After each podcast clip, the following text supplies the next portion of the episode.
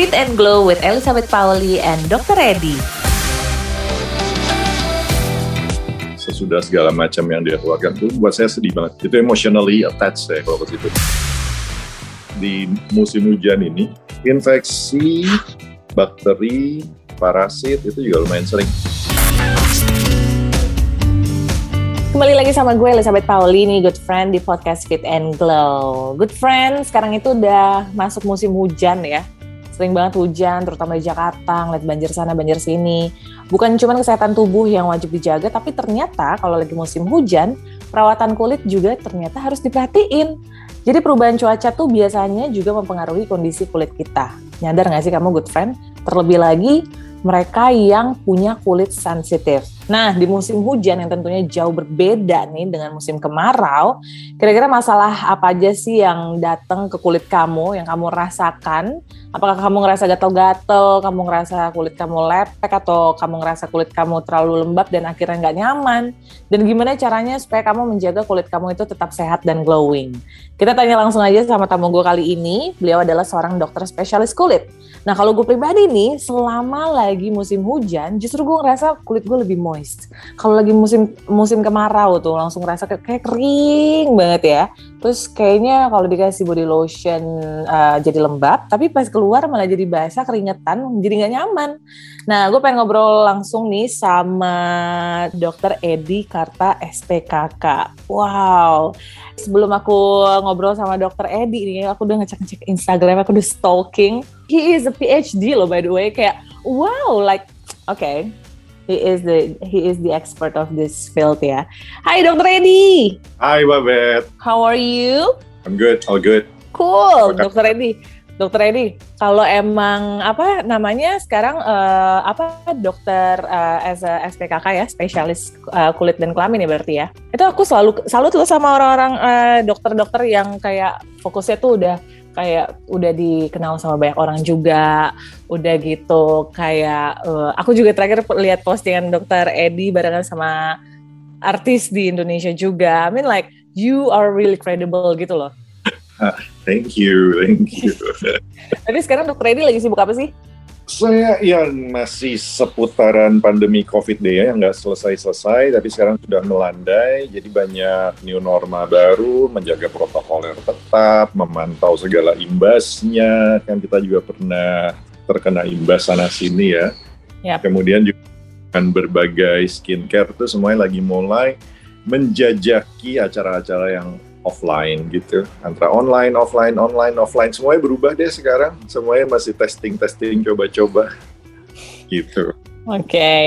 dan kenapa dokter tuh spesialisasinya tuh di kulit dan kelamin? Karena skop kerjanya buat saya enak. Jarang kegawat daruratan. Jarang kegawat oh. daruratan.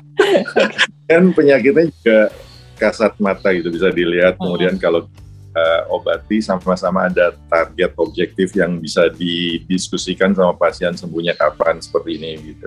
Jadi memang lebih jelas real. Dan satu lagi yang saya suka adalah uh, saya kadang-kadang kalau berhubungan sama pasien yang berat-berat-berat kemudian meninggal gitu setelah semua pasiennya membayar charge dokter dan lain-lain itu buat saya tuh kayak kayak aduh saya tidak berhasil tuh gitu. Padahal pasiennya udah pergi misalnya sesudah segala macam yang dia keluarkan itu buat saya sedih banget. Itu emotionally attached saya kalau ke situ. Jadi lebih enak yang progressing jelas, oh, semuanya jelas. Oh, that is why. Itu itu ngaruh banget buat saya emotionally gitu. Saya bahkan kadang-kadang suka nanya teman saya penyakit dalam, rasanya gimana sih kalau kita udah ngecharge, ngecharge, ngecharge pasiennya meninggal gitu. Ya gimana emang udah jalannya itu.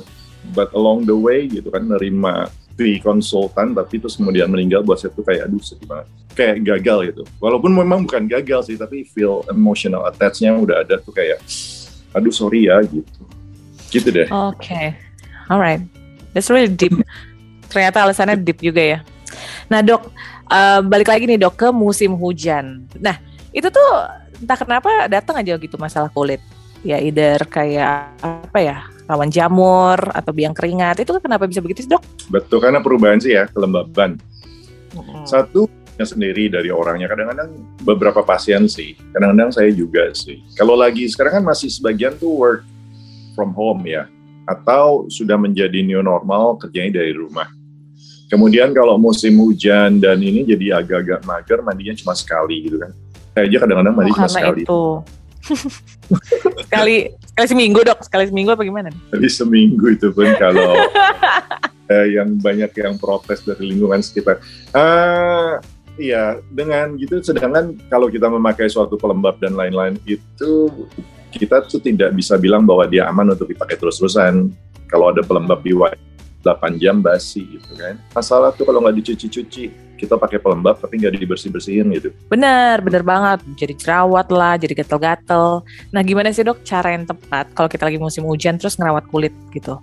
Mungkin ada kayak urutan skincare wajib yang kita pakai gitu. Eh, pada dasarnya sih kebersihan tadi ya. Kebersihan menjadi penting bahwa kita harus menjaga kebersihan. Kemudian kalau kita berada di lingkungan yang sering kering, misalnya di air condition terus, maka pemakaian pelembab menjadi penting juga. Kalau ke pemasalah yang tadi yang sebelum saya kelewat di musim hujan ini, infeksi, bakteri, parasit itu juga lumayan sering. Misalnya kalau eh, bakteri itu misalnya dari air hujan yang kita probos, misalnya habis turun dari mobil kemudian kita lari-lari. Jadi kaki kita berkecipak-cipuk dengan air hujan yang terkontak dengan kotoran gitu lah, air Mhm. kotoran comberan. Nah itu tuh sering tuh eksim, yang punya eksim di situ jadi kambuh. Pasien saya gitu. Oh, aku eksim loh dok by the way, tapi karena makan udang. Oh itu ternyata ngaruh ya karena lembab lembab juga ya. Biasanya mereka yang eksim soalnya mempunyai kemampuan untuk uh, sistem imun kulitnya kurang baik. Jadi kalau misalnya ada terutama bakteri-bakteri yang tidak mereka kenal dari kotoran dari comberan saya pasti gatel lah di situ karena misalnya kadang-kadang orang abai kalau lari ke kantor kemudian nginjek basah kemudian tidak langsung dicuci hanya di uh, lap aja atau disiram aja gitu Iya. Padahal seharusnya tuh dicuci bersih pakai sabun gitu ya dok ya. bisa secara proper segera sesegera mungkin karena yang kemudian jadi alergi dan betul-betul parah tuh banyak gitu Oke. Nah, tapi dok kalau misalnya lagi lembab kayak gitu ya dok, itu eh, dilepas apa? Jadi kayak sepatunya atau bajunya dilepas dulu, habis itu dikeringin dulu, tapi habis itu dipakai lagi tetap eh, tetap jorok ya dok ya. Kalau baju ya, uh, baju lembab sebaiknya jangan sih memang, karena itu nanti beda cerita itu. Itu biasanya jamur panu, pitriasis versicolor, Hmm. karena tiap orang punya jamur panu. Tinggal menunggu kapan keluarnya ya. Ya. I see. Nah dok, kalau dari sisi makanan, apa yang kita konsumsi, ada nggak sih makanan yang baik untuk dikonsumsi supaya jaga kesehatan kulit kita, terutama lagi musim hujan kayak gini? Sebenarnya sih sama aja ya, antioksidan misalnya, buah-buahan yang mengandung vitamin A, vitamin C, vitamin E gitu. Ya, zinc juga boleh, sama vitamin D. Kalau mau suplementasi ya. Mm-mm. Oke, berarti nggak ada beda jauhnya ya dok. Yang penting emang tetap jaga kulit tetap lembab aja dan jangan anggap kayak misalnya karena musim hujan terus kayak nggak panas nih, jadi kayak nggak pakai moisturizer. Padahal mah tetap aja harus ya. Harus tetap bersih juga gitu. Oke. Nah tambahan kon- ada kayak tambahan konsumsi vitamin gitu nggak sih dok? Selain yang tadi dokter mention, yang terutama untuk kulit ya. Oh, kalau misalnya dari kebutuhan sehari-hari kita vitamin A, vitamin C, vitamin A dari buah dan sayur itu kurang, barulah kita mengkonsumsi gitu. Yang basic sih A, C, kemudian Mm. E, tapi terlalu sering dua kali tiga kali seminggu, kemudian zinc. Yang perlu dihindarin apa dok? Makanan yang perlu dihindarin nih? Ah, secara umum, secara umum sih tidak hanya berlaku pada saat musim hujan saja, itu yang selalu saya bilang juga ke pasien saya adalah gula ya.